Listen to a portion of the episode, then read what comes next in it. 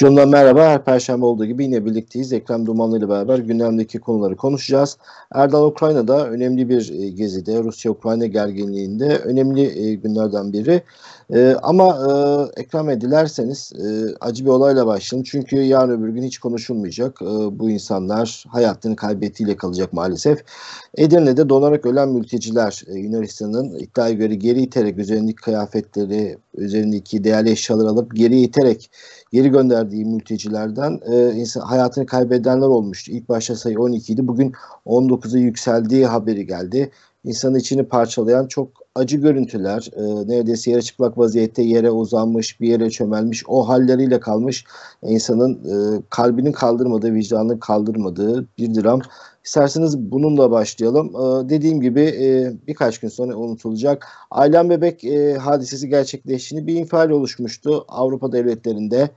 Bir şekilde öyle ya da böyle e, bu Suriyeli mülteci özellikle Suriyeli mülteci konusunda bazı gelişmeler tetiklemişti. Ama bu şimdi dünyanın krizinde çok da fazla yer etmediği gibi diğer e, o acı görüntü gibi etkisi de olmadı. Yunanistan ve Türkiye e, birbirlerini suçluyor. E, siz görüntüleri görmüşsünüzdür. Neler diyeceksiniz? Vallahi yani insanın içi parçalanıyor. İnsanlığı olan, insanlık özelliği, insanlık şefkati, merhameti olan hiçbir fert bu manzarayı görüp de vicdan azabı çekemezlik edemez. Ancak bazı vicdanı bozulmuş adamlar buradan da hareketle politik bir yarar, politik bir çıkar sağlamaya çalışır ki Süleyman Soylu onu yapmış. Yunanistan'ı suçluyor. Doğru suçla ama diyor aynı zamanda diyor işte o feali kelimeyi kullanarak kendisine aynen iade edilmesi gereken olan kelimeyi kullanarak onlara da müsamaha gösteriyor. Hala işin neresinde çapsızlık e, gelmiş buraya dayanmış Levent Bey. Bu çapsızlardan kurtulup olaya genel manada baktığımızda acı bir manzarayla karşı karşıyayız. İnsanlığın öldüğü manzara. Bu Yunanistan'a yakışıyor mu? Elbette yakışmıyor. Yani Yunanistan'da yaşayan insanlar da bu görüntüyle adlarının anılmasını herhalde bir insanlık sorunu olarak görüyorlar. Türkiye'ye yakışıyor mu? Ve Türkiye'ye de yakışmıyor. Ben üçüncü bir ülke daha söyleyeyim. Almanya'da bu hususta ağırlığını koysa Yunanistan'a bu görüntüler yaşanır mı? Bu geri itmelerde Almanya masaya yumruğunu vursa Avrupa Birliği'nin en güçlü üyelerinden birisi ve Yunanistan'ın iflasından sonra, ekonomik iflasından sonra Yunanistan'a en büyük desteği veren Avrupa Birliği'nden atılmasına, çıkarılmasına ki yanlış bilgiler içeren raporlar sunmalarından dolayı böyle bir şey gündem olmuştu hatırlarsınız. Ee, buna karşı çıkan e, Merkel ve Almanya'ydı ve doğruydu bence de. Merkel'in yaptığı da doğru, Almanya'nın yaptığı da doğru. Dolayısıyla Yunanistan'ın Almanya'ya çok büyük bir vicdan borcu da var. Çok büyük bir vefa borcu da var. Almanya ne yapıyorsun? Bu geri itmelerle ilgili biliyorsunuz yani daha önce çok yayınlar yapıldı, çok feci olaylar yaşandı. İnsanlar bu kadar topluca donarak ölmese bile bu geri itmeler sırasında ızdıraplar yaşadı, sıkıntılar yaşadı. Türkiye'deki bir mihrakın derin devletin borazanı haline gelmiş, koynundan çıkamayan bilmem neyi haline gelmiş bir anlayışın suistimaline maruz kaldı ve bu mevzular hep gündeme getirildi. Yunanistan'daki e, ciddi entelektüeller, özellikle Yunan medyası bunun doğru olmadığını yazıyor, söylüyor, konuşuyor. Almanya'da entelektüeller, parlamenterler buna karşı çıkıyorlar. Avrupa Birliği'ne buna karşı çıkan çok sayıda e, özgürlükçü, demokrat e, üyeler var, ülkeler var. Ama hala nedense bu geri itmeler devam ediyor. Bu geri itme e, stratejisi devam ettiği müddetçe Levent Bey daha buna benzer çok manzara yaşayacağız maalesef. Maalesef, maalesef. Tabii e, insan düzeyde karşı herkes karşı çıkıyor entelektüel düzeyde ama işte devletler arası ilişkileri gelince pek e, bizim arzu ettiğimiz şekilde ilerlemiyor. E, kamuoyunda Avrupa Birliği bu kayıplarla alakalı üzüntülerini bildiriyor. Yunanistan'ı daha hukuka, uluslararası hukuka uymasını istiyor ama kuliste e, kapalı kapılar arkasında Yunanistan tam gazı veriyor. Çünkü bu hadiselerin e, maalesef bir caydırıcılık yönü var. E, bir e, ibret alem yönü var. İşte insanlar bu acı yayılsın, bunlar konuşulsun. Hayatlarını kaybetme riski var. O yüzden geçmeye cesaret etmesinler. Bu işleri tevessül etmesinler. Kaçak yollarla Yunanistan'a girmesinler şeklinde bir de caydırıcılığı da var. Hani e, geri itersiniz. E, bunları çok sık görüntüleri var, video görüntüleri var. Geri itildikten sonra Türkiye'de tutuklanan e, rejim muhalifleri de oldu. Ama bu kardak işte insanların kıyafetlerini almak, onları o şekilde bırakmak gerçekten çok büyük bir vicdansızlık. E, dileriz bu acı e, olay, bu çok acı olay 19 kişi hayatını kaybetti. En azından insanların hayatını riske atacak eylemlere son verir. Bu pushback dedikleri geri itmeleri engellemiş olur. Ee, ama e, dediğim gibi bu bir e, Avrupa Birliği politikası. Hani Yunanistan e, dediğiniz gibi Almanya özelinde eğer bunları yapma deseler Yunanistan'ın yapacağını zannetmiyorum. Ee, Avrupa Birliği'nin bu mülteci konusunda ikircikli tavrı en başta Türkiye sonunda Yunanistan'ı çok zor durumda bırakmıştı. Maalesef bu iki ülke de, e, de girişte söylemişim birbirini suçluyor. Yunanlar hiçbir şekilde sınıra ulaşmadılar. Hiçbir zaman bizim topraklara geçmediler diye açıklama yaptı. Sizin de söylediğiniz gibi Soylu'nun buradan bile e, nefret tohumları ekme açıklamasını görünce her iki devletin de aslında ölenlerin pek umurunda olmadığını da anlıyoruz.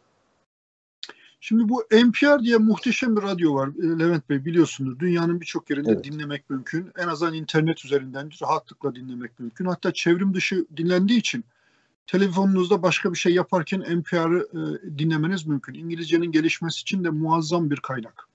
Orada geçenlerde bir e, konuşmaya rastlamıştım. Çok harika bir şey söylüyor konuşmacı. Diyor ki ya bu göçmen politikası Avrupa'da, Birleşmiş Milletler'de çok tartışılıyor, konuşuluyor. Ama göçmenleri ifade eden ve göçmenleri temsil eden yeterli miktarda ve yeterli kuvvette derecede e, katılımcı olmuyor karar mekanizmasında. Şimdi şöyle düşünün. Almanya, Fransa, İngiltere neyse e, Batı ülkeleri kendilerine dışarıdan gelen özellikle Suriye üzerinden gelen göçmenleri konuşuyorlar ve e, onlara karşı da yerli halkta da bir tepki var. E, sebepleri çok uzun. E, hikaye çok uzun. Dünya boyunca, dünya tarihi boyunca dışarıdan gelene içerideki insanların bir tepkisi oluyor. Fakat dışarıdan gelen niye geliyor? Keyfine mi geliyor? Turistik seyahate mi geliyor? Evini barkını niye terk ediyor? Evini, barkını, malını, mülkünü yedi kuşaktır, üç kuşaktır yaşadığı yerleri niye terk ediyor? Bunu insanlar karar mekanizmasında anlamıyor. Adamın söylediği şey şuydu. Kardeşim buraya gerçekten göçmenliği iliklerine kadar hissetmiş, yaşamış insanlar da koyun ki göçmenlerle ilgili politikanızda insani ve e, vicdani bir şey olsun. Oturmuşsunuz orada kahvelerinizi, çaylarınızı yudumlarken, viskilerinizi yudumlarken efendim Suriye'den gelen şu kadar bin adam e, yani insani bir değeri bile yok. Sadece rakamsal değeri var belki adamın gözünde. Bence çözümlerden bir tanesi ister Birleşmiş Milletler'de ister e, Avrupa Birliği'nde ya bu işlerden acı çekmiş, ıstırap çekmiş göçmen insanların bir şekilde temsil edilmesi lazım ki bir denge sağlansın. Bu denge sağlanmadıkça o, o kapıyı kapatacak. Bu kaçmak zorunda. Ülkesini terk etmek zorunda. Terk etmese topyekun yok edilme riski taşıyor. Bütün bunların arasında bir empati kültürünün, bir sempati kültürünün oluşması ve genel o soğuk politikaya, dış politikaya da bunun yansıması lazım. Bu yansımadığı müddetçe daha çok büyük facialar yaşanır. Ha ne olur? Bu faciaya sebep olanlar yarın tarihte çok daha kötü olarak yad edilir. Bunu önemsiyorlar mı? Bence önemseseler iyi olur. Çünkü nasıl bir e, bir nazi zulmü, bir faşizm zulmü, bir e, dönem dönem Avrupa tarihine yansıyan mezhepler arası savaştan, efendim ne bileyim milletler arası savaştan, etnik gruplar arası savaşlara kadar birçok savaşı utançla yad ediyorlarsa bu 2000'li yılların orta başlarında çok daha görünür hale gelen göçmen kriziyle ilgili bazı ülkeler kötü yad edilebilir. Buna bir çare bulmak lazım. Evet, e, Meniştek Şahide'den geçmek oldukça tehlikeli. Ege adalarına gitmek de keza büyük riski barındırıyor. Çok acı hadiseleri çok yakın zamanda e, yaşamıştık, haberlerini okumuştuk. Hem e, Türkiye Cumhuriyeti vatandaşı hem de başka ülkelerin göçmenleri. İnsanlar buna rağmen e, bu yolu deniyorlarsa neler yaşadıklarını, nelerden kaçtıklarını da bir kez daha izleyicilerimiz zaten biliyorlar. Dile getirmiş olalım. E, girişte söylemiştim Erdoğan Ukrayna'da Ukrayna'ya gitmeden önce e, havaalanı basın toplantısında Osman Kavala sorusuna cevap verdi ve Kılıçdaroğlu'nun da cevap verdiği bir e, polemiğe e, ateşledi diyebiliriz. Mini bir polemik. Daha önce söylediği bizim yerel mahkemelerimize e, saygı duymayanları bize saygı duymayız. Ahim ne demiş? Avrupa Konseyi ne demiş? E, umurumuzda değil. E, o şeyini tekrar etti Erdoğan. Tabi e, bunu neyi üzerine söylemiş? Osman Kavala kararını ısrarla Türkiye e, uygulamayınca Türkiye'nin Avrupa Konseyi'nden e, ihlalinin e, prosedürü başlamıştı. Şimdi konsey ahime soracak. Türkiye gerçekten e, ihlal yaptı mı, e, kuralları ihlal yaptı mı diye mahkemede bir görüş bildirecek. Biliyorsunuz Osman Kavala ile alakalı Gezi davasından e, tahliye etmişlerdi ki ahimdeki dosyayı düşünerek başka bir davadır. 15 Temmuz'dan tutuklamışlardı. Kendilerince de böyle taktikler geliştiriyorlar.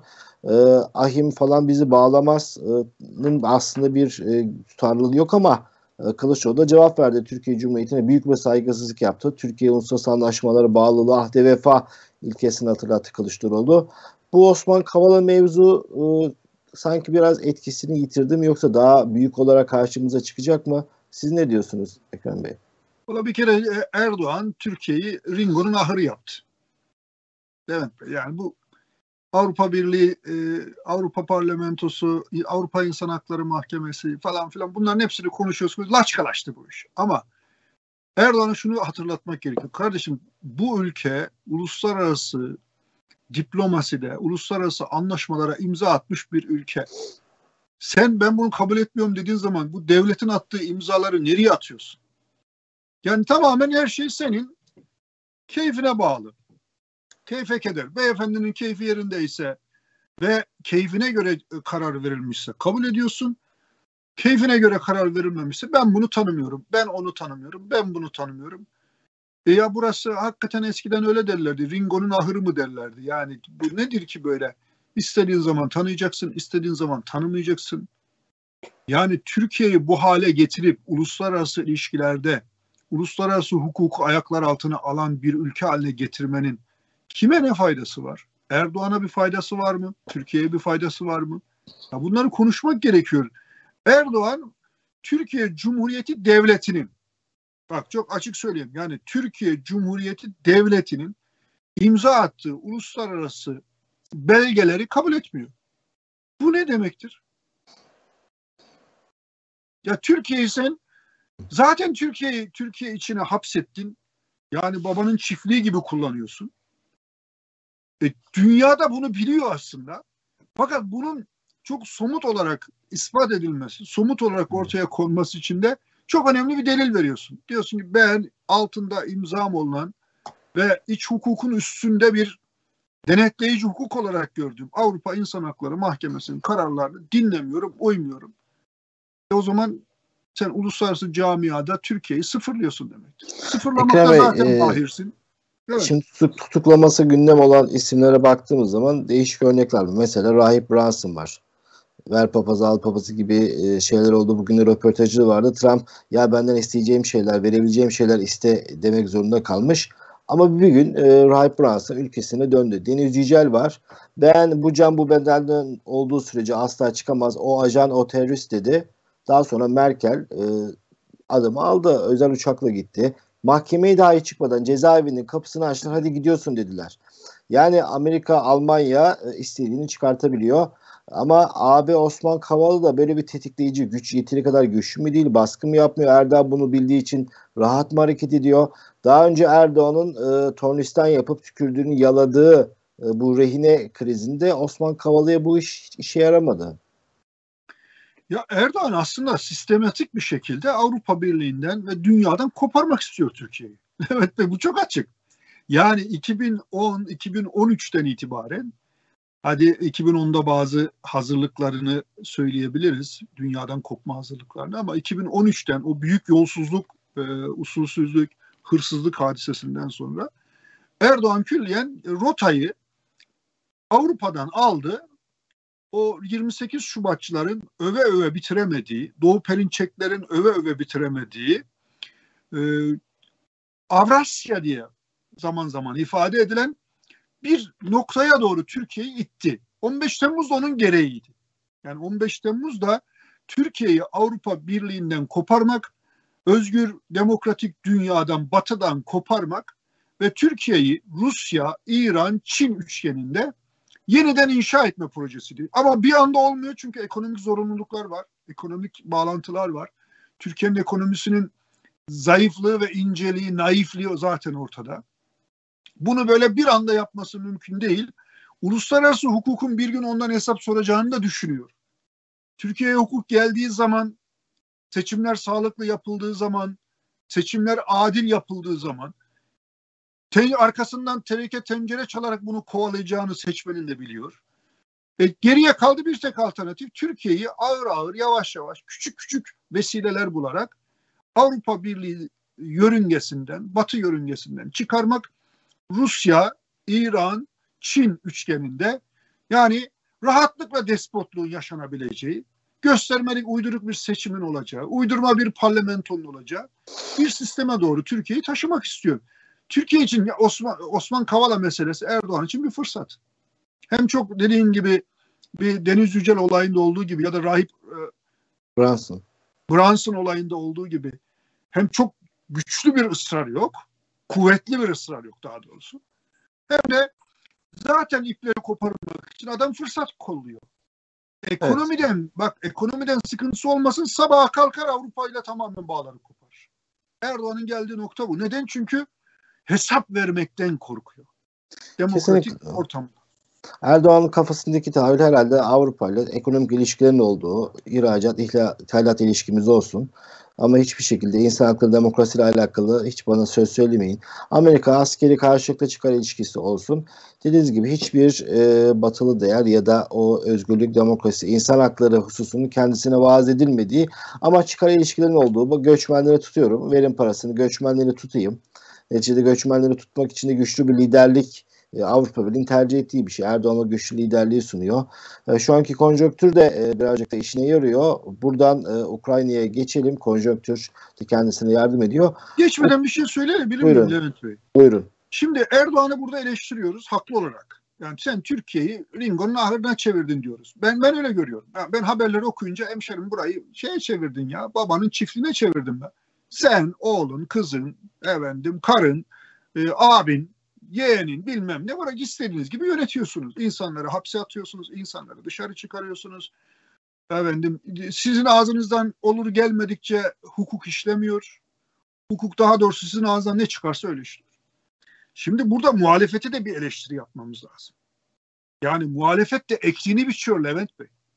Bak eğer oturalım doğru konuşalım. Ya arkadaş bu hukuksuzluklar ilk yapıldığında, ikinci yapıldığında, üçüncü yapıldığında eğer bir şey söyleseydiniz Türkiye bugün buraya gelmezdi. Bak mahkeme kararını tanımama en önemli kilometre taşlarından birisi Hidayet Karaca ve birkaç daha sanığın hakim kararıyla serbest bırakılmasının uygulanmamasıdır Levent Bey. Evet. Eğer sen o gün ben evet bu bu adamları sevmiyorum, hoşlanmıyorum. Ama somut hukuk gereği bir hakim bir insanı veya iki insan neyse serbest bırakıyorsa bu kararı uygulamak zorundasın deseydi orada zıp çıktı bir tane efendim e, hapishane müdürüne bu işleri bırakmasalardı. Uydurma bir sulh ceza hakimliği oluşturuldu. Geçen gün çok hayret ettim yani internette gördüm.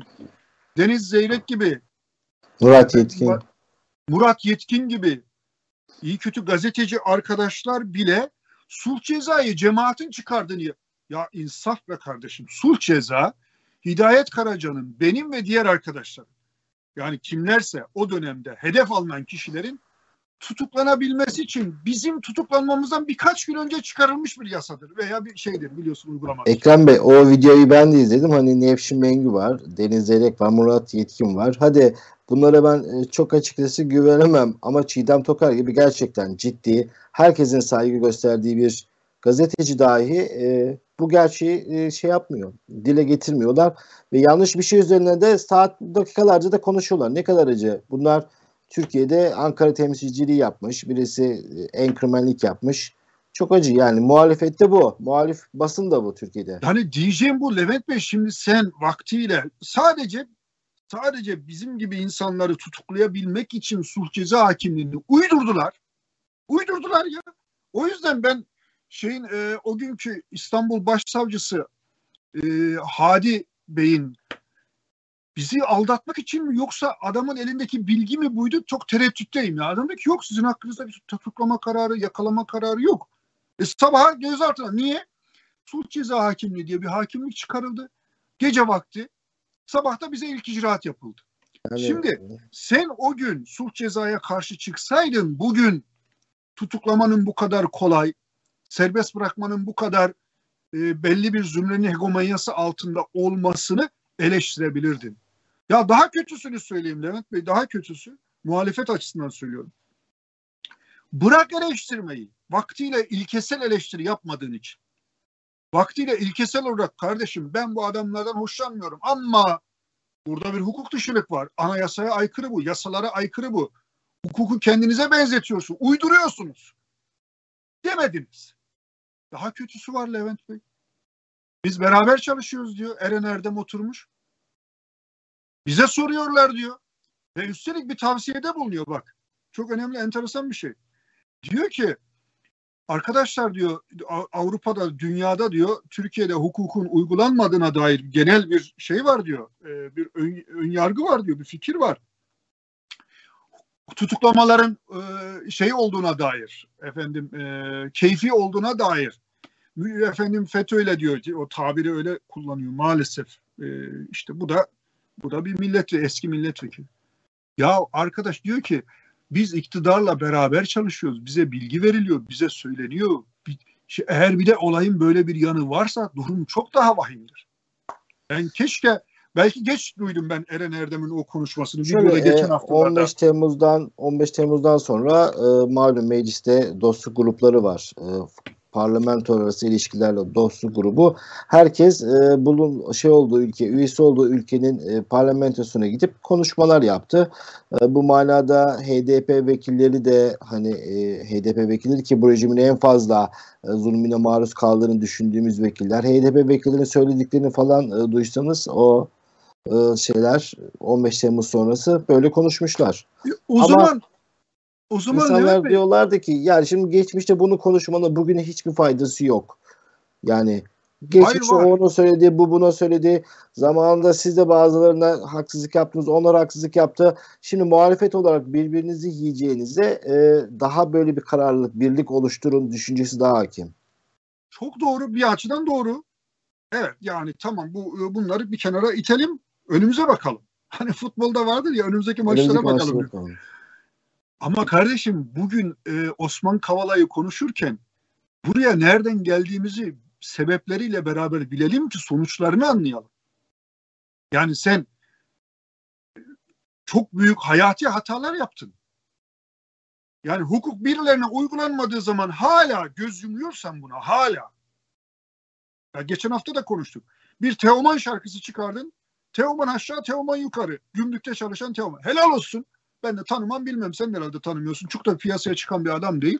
Ama Reza Zerrab'ın bütün fırıldaklarını ayakkabı kutularının altında kalan bakanlara rağmen ayakkabı kutularının altında kalan bakanlara rağmen bir memur olarak sen bu işin altında kalmıyorsan helal hoş Ama Teoman'a gelene kadar akşam olur dedik. O kadar insan zulme maruz bir iki kelamda et. Şimdi şunu diyeceğim. Bir kere bir şeyi bakış açısını düzeltmek gerekiyor Levent Bey. Eğer bakış açısını düzeltmezsek yani muhalefette Osman Kavala'yı müdafaa ettiğin zaman inandırıcı bulunmuyorsun. Neden? Çünkü bu bu işlem başka insanlara yapıldığı zaman ses çıkarmıyorsun. Benim söylemek istediğim şey bu. Buradan da bir şey başlatmak lazım. Yani öyle hem iktidarla el altından sarmaş dolaş olacaksın ya da en azından sükut edeceksin Ondan sonra da Avrupa İnsan Hakları Mahkemesi sadedinde veya e, Avrupa Parlamentosu sadedinde bir bahis geçtiği zaman da bir şeyler söyleyeceksin. Bunlar inandırıcı olmuyor. Türkiye'nin bu şeyden kurtulması lazım. Herkese hukuk, herkese adalet, her kesime. Özellikle HDP için söylüyorum. Mesela HDP'de aynı aynı cümleyi öyle onları da kurabilirim. Eğer Hidayet Karaca'nın hukuksuz bir şekilde cebren ve kasten bir hapishane müdürünün, bir uydurma savcının ısrarıyla hapiste tutulmasına izin vermeseydin Selahattin Bey de bugün hapishanede olmayacaktı. Bunu anlayalım, diyecekler ki bir şey. HDP de diyecek ki ya biz engellesek zaten kendi genel başkanımızı içeriden çıkartırız. Ee, Yani Ay, inandırıcı bulunamıyorsun. Eğer başta bütün Türkiye, başta en başta sulh ceza hakimliği de e, yasalara, anayasaya aykırıdır. Bu bir özel, özel yani kişiye özel, Erdoğan'a özel, Erdoğan ve ailesine özel bir uygulamadır. Bunu reddediyoruz deseydi herkes, bu kadar insanlar kolay tutuklanıp kolay, kolay bırakılmazdı Levent Bey. Hala da onu demediğimiz müddetçe, yani kesim farkı gözeterek, kişi farkı gözeterek, inanç farkı gözeterek, ideoloji farkı gözeterek böyle double standart yola devam ettiğimiz müddetçe Türkiye'de muhalefet inandırıcı olamayacak diyorum. Yani o, o, o, açıdan iktidara bir şey söylediğimizde dönüp muhalefete de sadece CHP'yi kastetmiyorum. Yani Babacan'ı da, Davutoğlu'nu da, e, Meral Akşener'i de hepsinde standart bir hukuk ve adalet sistemine davet etmek lazım. evet e, maalesef sarı öküz çok önceden e, verilmiş. O sarı öküzü e, vermeyecektik. Herkes sarı öküzün verilme tarihi için başka bir tarih söyleyebilir ama neticede e, sarı öküz verilmiş. E, iktidar, er, sabahtan akşam Erdoğan kötü, Erdoğan şöyle, Erdoğan böyle de çok fazla anketlerde yansımıyor. Ya, açıkçası yine belirleyici olan şeyler ekonomi vesaire oluyor. Yani sabahtan akşama kadar Erdoğan'la alakalı bir şeyler söyleyince de o kadar düşündükleri kadar da etkisi olmuyor. Dediğiniz gibi çok somut konular üzerinde e, uzlaşmaları lazım. Bunu halka söylemeleri lazım diye düşünüyorum. Şimdi Erdoğan Ukrayna'da e, biz yayına girerken basın toplantısındaydılar. Bir seri anlaşmalar imzaladılar. İşlerinden bir tanesi serbest ticaret anlaşması. E, askeri anlaşma var. Drone üretiminin malum e, o dronların yerli ve milli dronların motorunu Ukrayna veriyordu biliyorsunuz Ekrem Bey. O yüzden bir üretim tesisinin Ukrayna'da açılması gibi e, maddeler söz konusu askeri işbirliğinde. Şimdi e, diplomatik ilişkilerin tesisinin 30. yılı, 10. da istişare toplantısı. Rusya ile bu kadar kriz yaşarken Ukrayna ile çok sıcak bir görüntü mü veriyoruz? Erdoğan basın toplantısında dikkatli konuştuğu notlarını e, gördüm. Çünkü e, Putin'in ziyareti söz konusu. Putin e, olimpiyatlarda, kış olimpiyatları vesilesiyle Çin'e gidecek. Daha sonra Türkiye'ye gelmesi söz konusu. Kremlin liderlerin programı ve e, korona sağlık durumlarına göre bir gün belirlenecek dedi ama niyet beyanı olarak geleceğini bekliyoruz. Bu krizde e, Türkiye bu krizi nasıl yönetiyor? Neticede savaş bütün dünya için çok e, büyük bir tehlike olduğu gibi Türkiye için de büyük bir tehlike. E, nasıl görüyorsunuz Erdoğan'ın Rusya ve Ukrayna performansını? Valla Erdoğan hangi işe çok müdahil olsa Levent Bey orada bir takım sıkıntılar yaşanıyor. Yani e, geçmişten yaşanan tecrübelere binaen ya karışma karıştırma diyesi geliyor insanın. Çünkü her gittiği yerde bir savaş e, alevleri yükseliyor. Bir dönem Suriye için çok ilgiliydi. Suriye yıllardır kendine gelemedi. Bir takım mağrip ülkeleriyle e, ilgileniyordu, gidiyordu, geliyordu. Onlara akıl veriyordu, fikir veriyordu.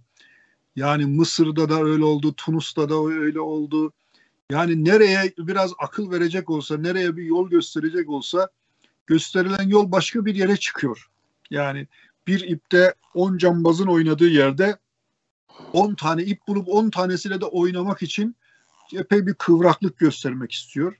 Ama uluslararası ilişkiler öyle Türkiye'deki gibi sabah kalktım bir şey oldu, akşam kalktım başka bir şey oldu gibi yürümüyor. Ben burada denklemde e, evet damadın üzerinden herhalde bir satışlar matışlar düşünüyor. Ben bunun çok e, bu konuda çok etkin bir sebep olduğunu düşünüyorum. Maalesef üzücü.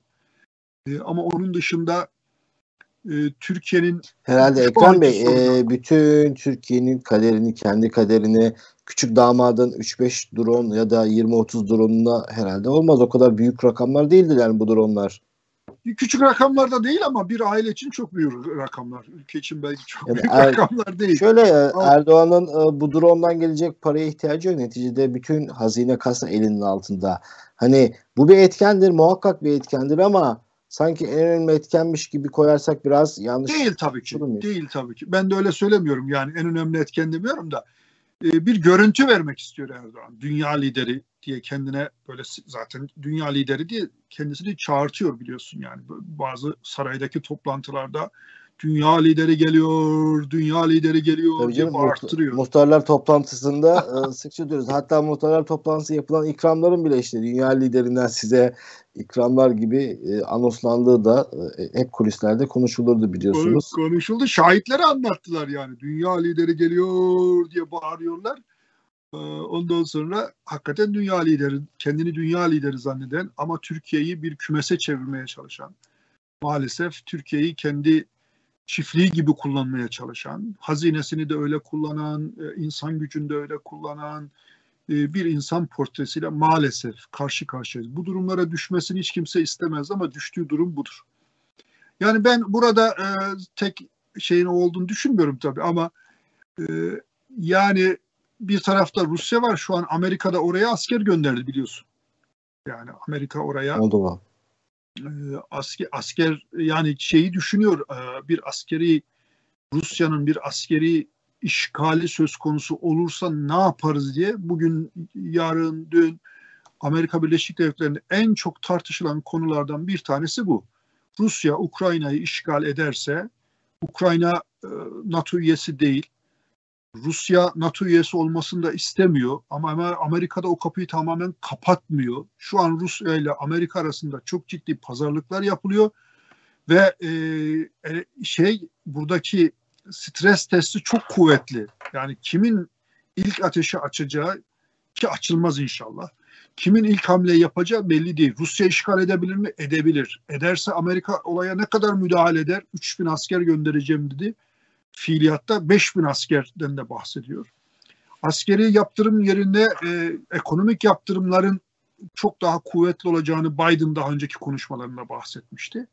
Yani böyle e, ateşin böyle kavrulduğu e, bir bir noktada dur bir de ben bir cambazlık yapayım ben bir dünya lideriyim diye gideceksin ticari anlaşmalar yapacaksın eyvallah yani Türkiye Ukrayna'yla Rusya'yla da iyi geçinsin kimse Türkiye falan ülkelerle kavga etsin istemiyor ama Türkiye'nin yörüngesi bellidir Türkiye'yi yörüngesinden söküp 28 Şubatçıların bin yıl sürecek dediği yörüngeye Avrasya yörüngesine oturtmanın bir anlamı yok. Bundan Türkiye'nin ekonomisinin de politikasının da insan kaynaklarında zarar görmemesi mümkün değil. E, Hatırlarsanız Rusya ile uçak krizi yaşadığımızda Rus uçağının düşürüldüğü zaman ilk başlarda çok e, böyle yukarıdan yukarıdan konuşuluyordu. Vurduk yine vururuz. Hatta diğer e, küçük enişte de emri ben verdim. Davutoğlu'nu kastediyorum. Emri ben verdim. Erdoğan pilotun hatası girmeseydi gibi çok e, iddialı laflar etmişlerdi. Birazcık da o zaman Amerika'nın desteğini alacaktığını düşünüyorlardı ama hem gerekli destek, bekledikleri destek gelmeyince hem de Putin hem Birleşmiş Milletler'de e, Erdoğan'ın ve ailesinin IŞİD'le olan petrol ticaretinin biliyorsunuz belgelerini sunmaya başlamıştı. Turistleri kesti, meyve sebze ithalatını durdurdu ki bunlar çok küçük e, tedbirlerdi ve Türkiye'ye diz çöktürdü. Erdoğan giderek e, hem önce telefonla özür diledi hem de bizzat giderek özür dilemişti. O yüzden Erdoğan'ın Putin'le bir tecrübesi var. E, Rusya'nın neler yapabileceği ki üstüne 15 Temmuz yaşandı. 15 Temmuz'da daha bir gebe kalma e, pozisyonu düş Rusya ile alakalı. E, dediğiniz gibi dileriz savaş çıkmaz ama her iki tarafta sanki savaşın iyi bir seçenek olmadığı konusunda hem fikir gibi ama alabildiğinin en fazlasını alma. E, Ukraynalı biraz daha batı sistemine girip askeri güvenceyi teminat altına alma. Ruslar da kabul edecekleri tavizleri Ukrayna'nın vermesini diliyorlar gibi dileriz diplomatik yollarla çözülür. Çünkü bizi çok ilgilendiren bir savaş.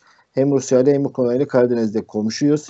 Ee, çok ciddi, ekonomi çok kırılgan. Ee, gelen turistlere, ticarete çok e, ihtiyacımız var. Dileriz kabus olmaz ki her şeyden öte insanlar hayatını kaybedecekler. Dün bir yaşlı kadın röportajını gördüm. İkinci Dünya Savaşı sırasında doğmuş. Bir savaşta doğdum, bir savaşta öleceğim diye bir röportaj vermişti. Dileriz hiç kimsenin hayatını kaybetmeyi bir e, şekilde çözülür bu.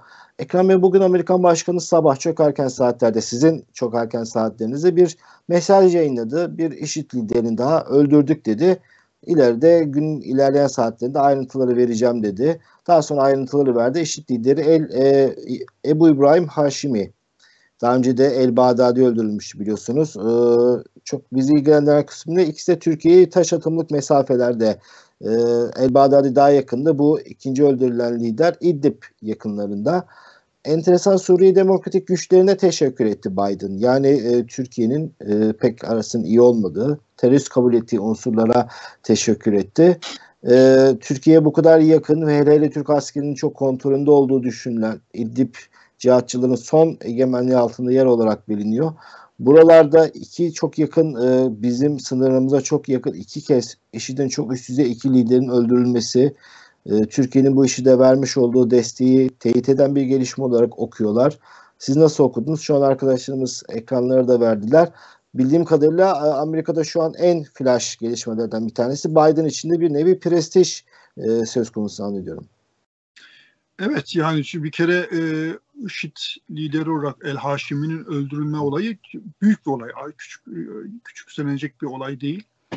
E, ve bunun e, bize bakan yönünü biz konuşuyoruz herhalde. Bize bakan yönünde de dediğin gibi e, Türkiye sınırına bu kadar yakın olması, Türk askerinin kontrol altında olan bölgelerin olması e, ve sürekli IŞİD'cilerin sadece liderlerin öldürülmesi değil Levent Bey. Yani sonuçta evet. bu militanların evet. Türkiye'ye girişleri, çıkışları, Türkiye'den temin ettikleri pasaportlar, Türkiye'den temin ettikleri pasaportlarla Avrupa'nın dört bir tarafına dağılması, yaralanan IŞİD'lerin Türkiye'ye gelip yıllarca e, tedavi edilmesi, hatta bir kısmının yakalanıp tutuksuz yargılanması. Ha, şöyle bir hafızamızı yoklayalım son dönemde yaşanan hadiseleri arka arkaya. Ekrem Bey o iki askerimizin e, hunharca yakıldığı hadisini emrini veren kişi tutuksuz yargılanıyormuş. Ya ne, ne insanlar ne gül gibi insanların tutuklu yargılandığı yani düşünün siz.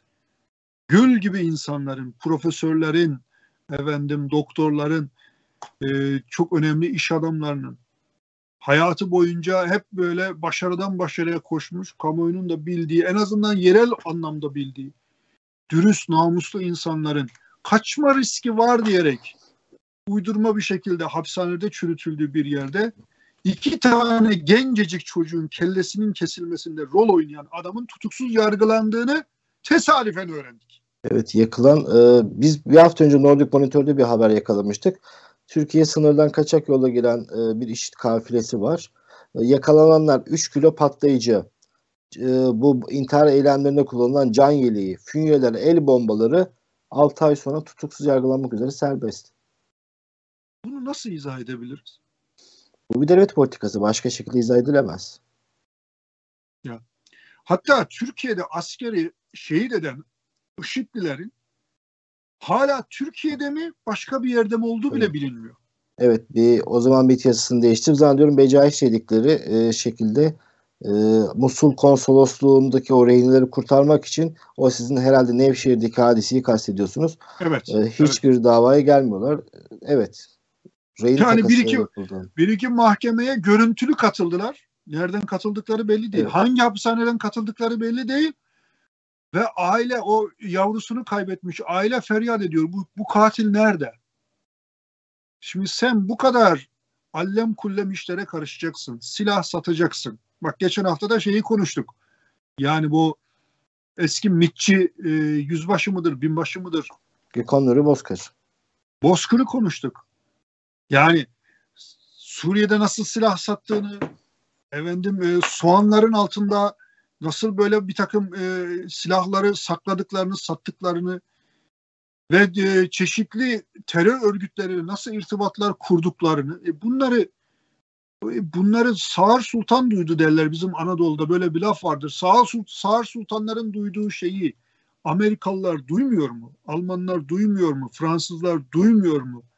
Demet Bey maalesef Türkiye'yi maceradan maceraya sürüklediler. Bu sırf iktidarda kalabilmek için. Biraz da ta geçmiş zamanlı, ta 90'lı yıllardan kalma İslamcılık, siyasal İslamcılığın getirdiği bir kısım böyle e, şeylerle, insiyaklarla öyle diyeyim ya ne diyeyim ya başka böyle güya bunları mücahit görerek katil ya bildiğin katil. Yani bir katil besmele çekip adam öldürünce o işleri cinayet cinayet olmaktan çıkmaz. Masum insanları öldüren insan katildir. Bir insanı öldüren bütün insanlığı öldürmüş gibidir. Maalesef bu yobazlarla beraber yattılar, beraber kalktılar. Yeni yeni veletler peyda ettiler.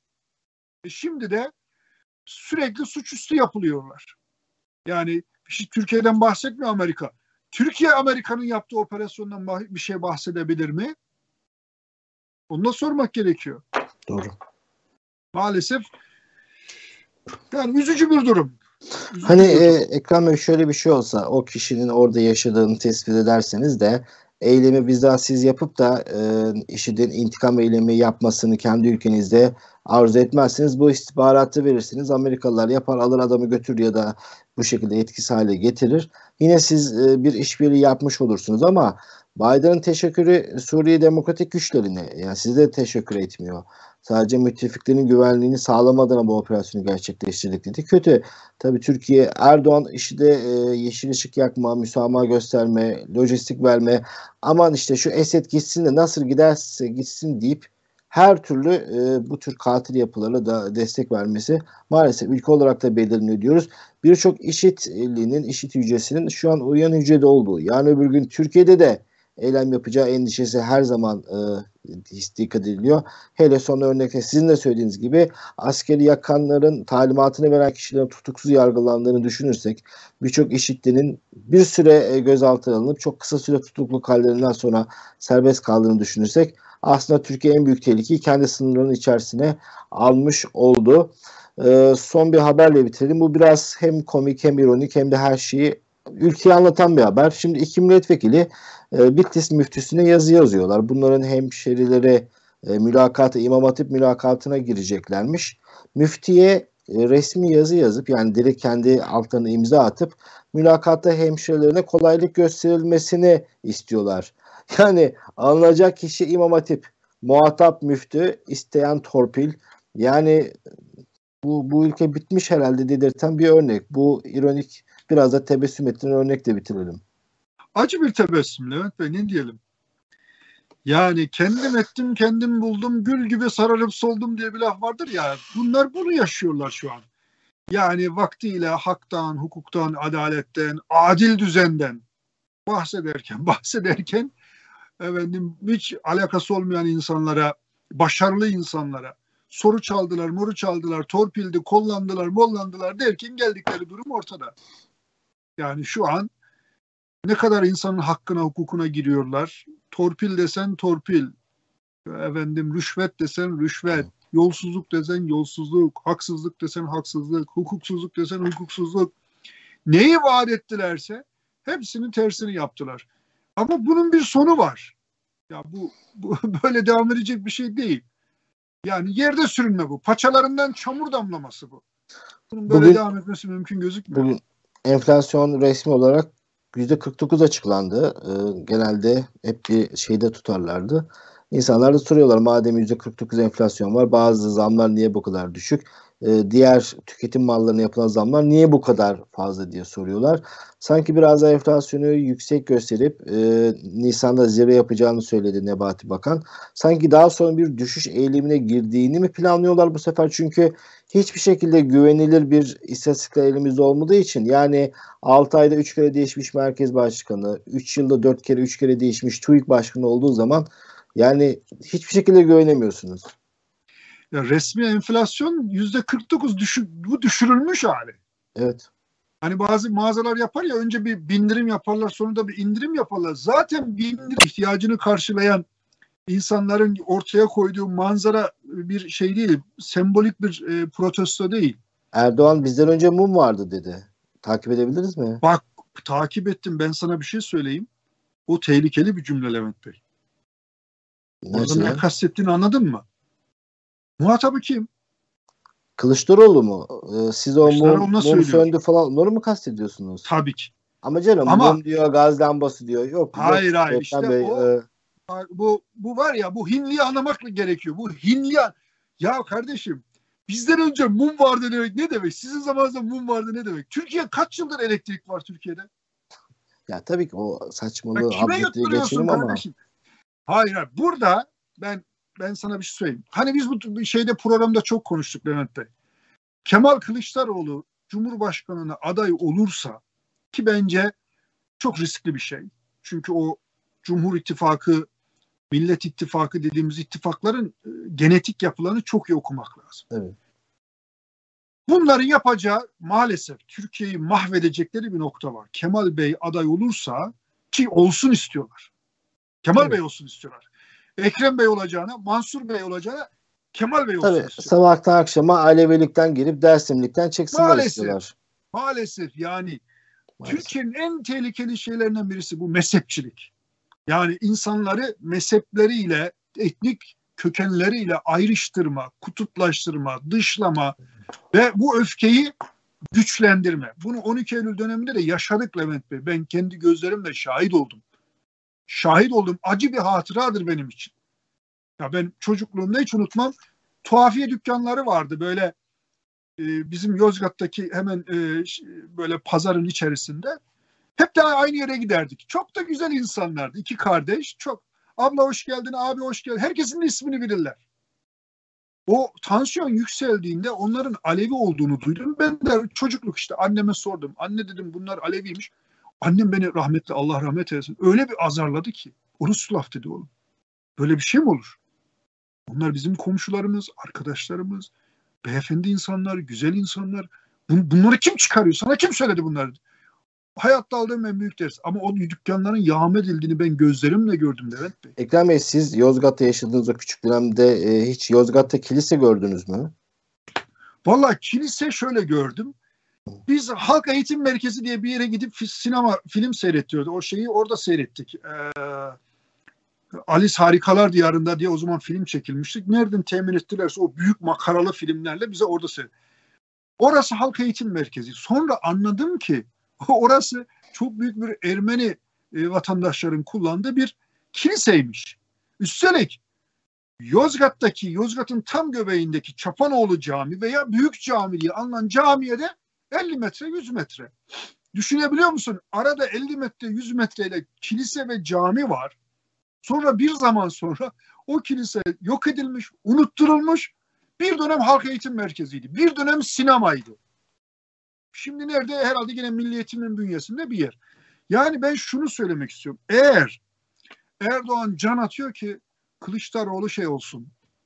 Cumhurbaşkanlığı evet. aday Bunun olsun. programda sık, çok sık dile getirdik. Kılıçdaroğlu istiyor. Şuur altından sizin zamanınızı mum derken tam da suçüstü yakalanmamak için gazlanmasını falan yanına ekliyor. Yoksa kime yutturuyorsun mum meselesi? Türkiye ne zaman mumla yaşıyormuş? Kime yutturuyorsun bu hikayeleri?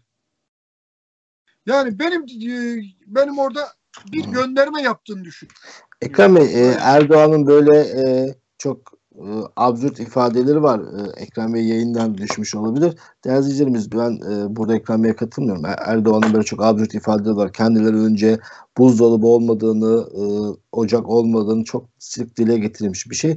Bence çok bariz bir şekilde o benzer bir şekilde mum yok, gaz e, lambası diye şeyler söyledi. Evet, bugün depo haftalıkta programımızı bitirdik. Eğer ekrana yetişebilirse vedaya ondan da bir e, veda almak isteriz derken herhalde geliyor. E, bugün de güzel bir sohbet oldu. Çok ağır bir gündem e, maddemiz yoktu. E, Birçok konuyu görüştük. Ukrayna'ya gittik. Ahim'i konuştuk. İşte e, IŞİD lideri yakalandı. Nitekim enflasyon Erdoğan Diyanet'e torpil derken Ekrem Bey e, programın da sonuna e, verdik. Siz e, düşüp geldiniz. Biz de vedalaşıyorduk izleyicilerimizle. Sizden son sözünüzü alalım. Artık süremizi açtık. Evet, Türkiye zor bir dönemden geçiyor bir klasik cümle vardır. Gene bunu söyleyelim ama bence artık e, daha güzel günlerin ufukta göründüğü günlere doğru ilerliyoruz. E, üç aylar girdik bugün. E, herkesin kandilinde tebrik ediyoruz. E, üç ayların bereketler getirmesini diliyoruz. Bayramın da doğru bir bayram, güzel bir bayram. Efendim böyle e, şefkat dolu, merhamet dolu, insanların sevgiyle dolacağı, umutla dolacağı bayram olmasını diliyorum. Ben de e, Avrupa görmüş biri olarak Müslüman izleyicilerimizin mübarek 3 aylarını tebrik ediyoruz. E, Ramazan ayına en güzel bir şekilde hakkını vererek ulaşılmasını diliyoruz. Haftaya tekrar görüşmek üzere. Hoşçakalın.